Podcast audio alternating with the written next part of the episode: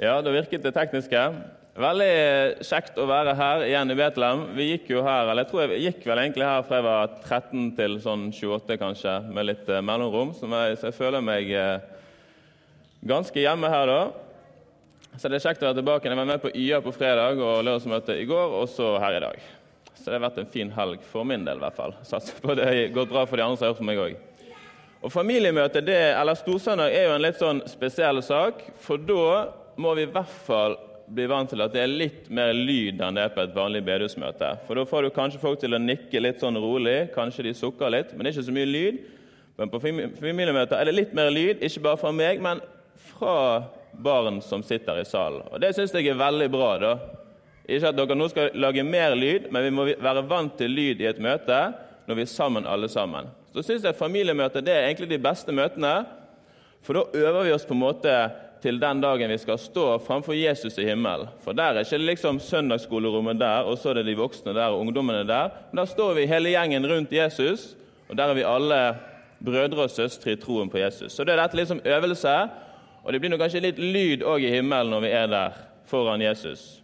Eh, fra de forskjellige aldersgruppene. Så det er veldig bra.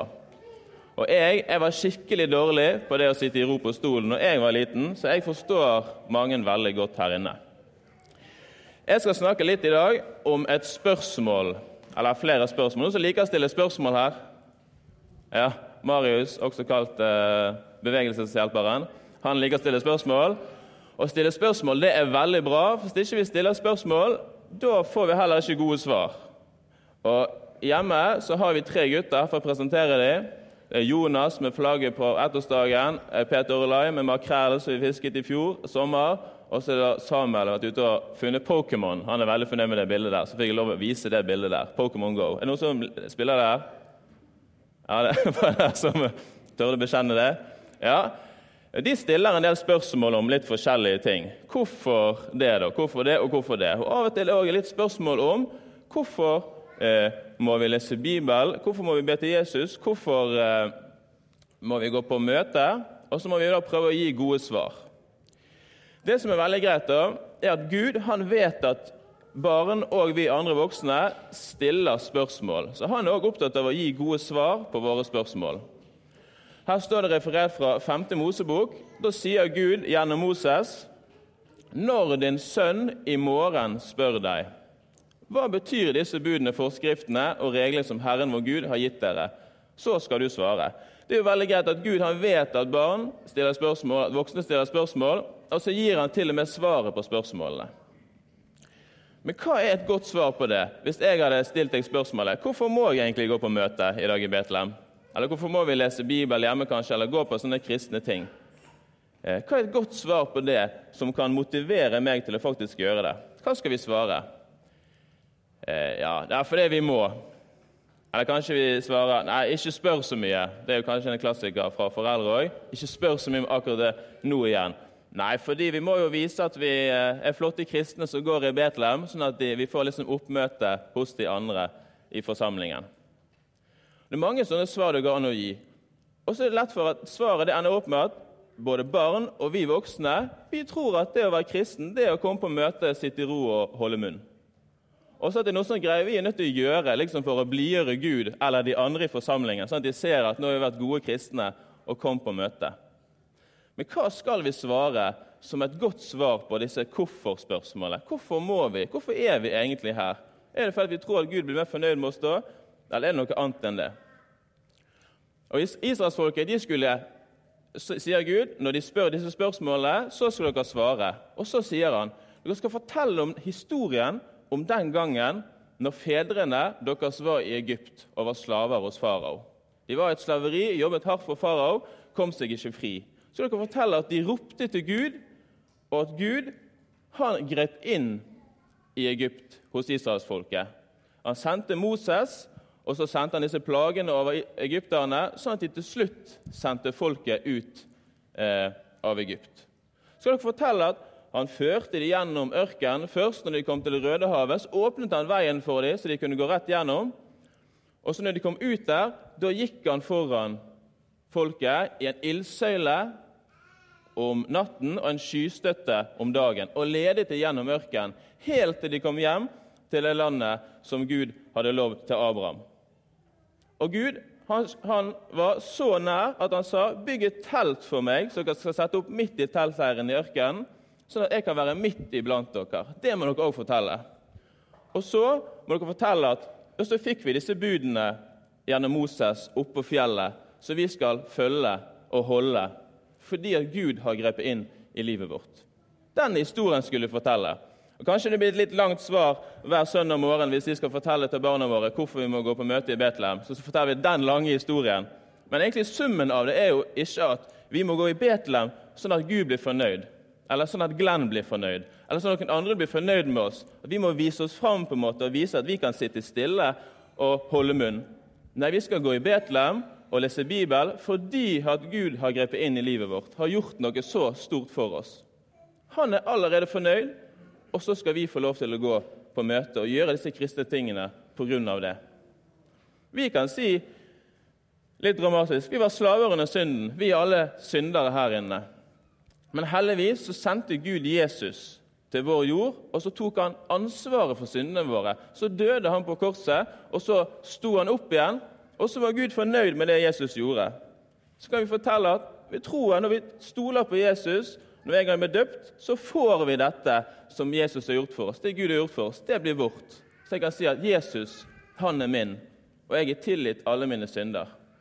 Kan vi jo fortelle at Gud han sier ikke at dere må bygge Betlehem så jeg har en plass å bo, men han sier jeg skal komme så nærmt at jeg flytter inn i hjertene deres og vil bo der inne hos dere gjennom Den hellige ånd, som vil lede oss på veien til himmelen. Derfor skal vi gå på møte i Betlehem, derfor kan vi lese Bibelen, derfor kan vi be til Gud, fordi at Gud allerede har gjort noe så stort for oss. Ser dere forskjellen? Kanskje de voksne ser det i hvert fall. Og kanskje noe vi kan gi videre til barna og de andre og motivere hverandre. Jeg kommer ikke her for at Gud skal være fornøyd, men jeg går fordi, fordi han er fornøyd. Kristen tro det å være kristen er noe mer enn å sitte i ro og holde kjeft på et møte eller å gjøre masse greier. Men det er fordi at Gud har gjort noe for oss, så kan vi gjøre våre ting i takknemlighet til Gud. Det er et veldig godt svar, det som står her framme. Vi elsker fordi Han elsket oss først. Jeg tror ikke det bare er barna som trenger dette. da. Jeg tror det er noen voksne også som trenger det. Om de er unge voksne eller voksne voksne eller gamle, så trenger vi dette og minne oss om det, det er fordi han elsket oss først. Og så noen ord til foreldre, eh, som det er noen av her inne, og besteforeldre, de er, og kanskje de som kommer til å bli foreldre.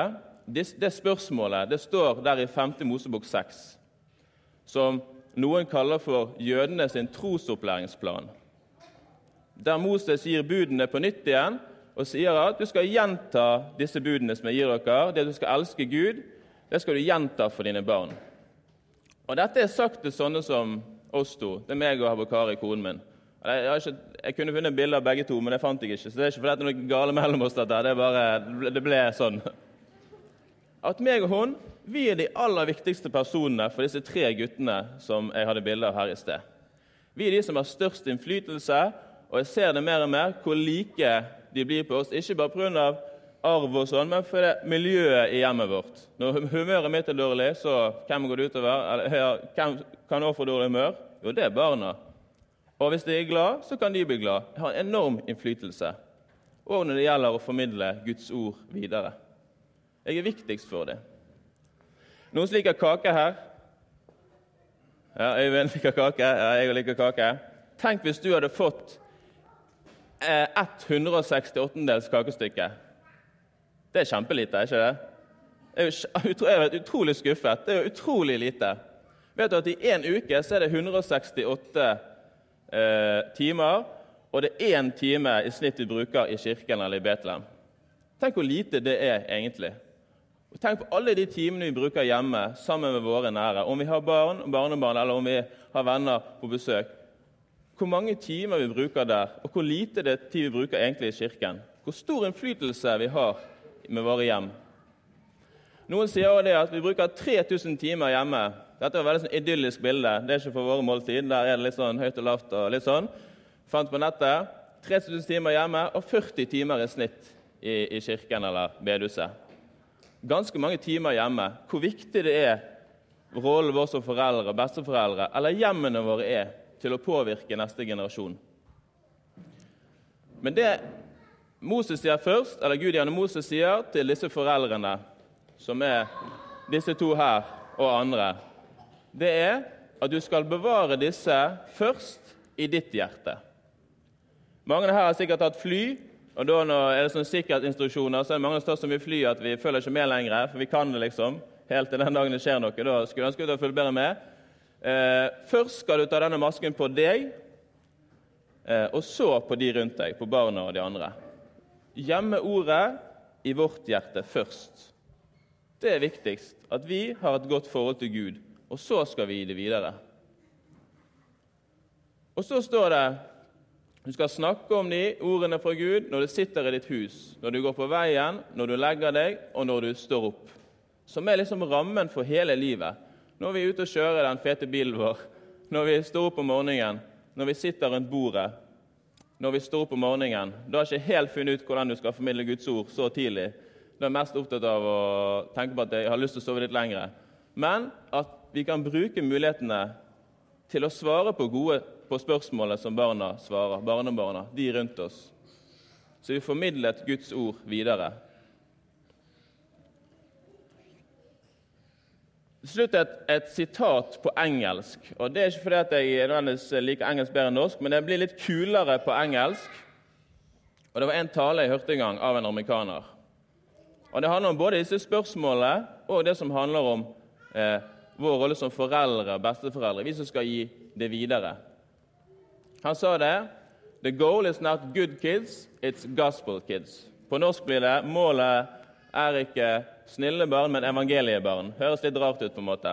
Men poenget hans var at målet når vi gir Guds ord videre, det er at barna våre skal få bli kjent med Jesus.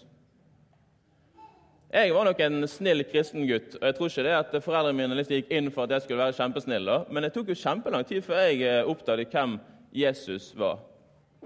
Jeg gikk på møter, prøvde så godt jeg kunne å sitte i ro og holde munn og prøvde å skjønne det som de snakket om. Ehm, jeg var et snilt kristent barn. Målet er ikke alt det der. Målet er at de skal få bli kjent med Jesus. De som sitter her, de vi tenker på, og oss sjøl. Og Målet på spørsmålet, gode svarene er på spørsmålet hvorfor gjør vi dette, det er eh, det er pga. det som Gud har gjort for oss gjennom Jesus. Det er evangeliet som er svaret, og det er det som er målet for alt dette som vi holder på med. Jeg vil be en bønn til slutt.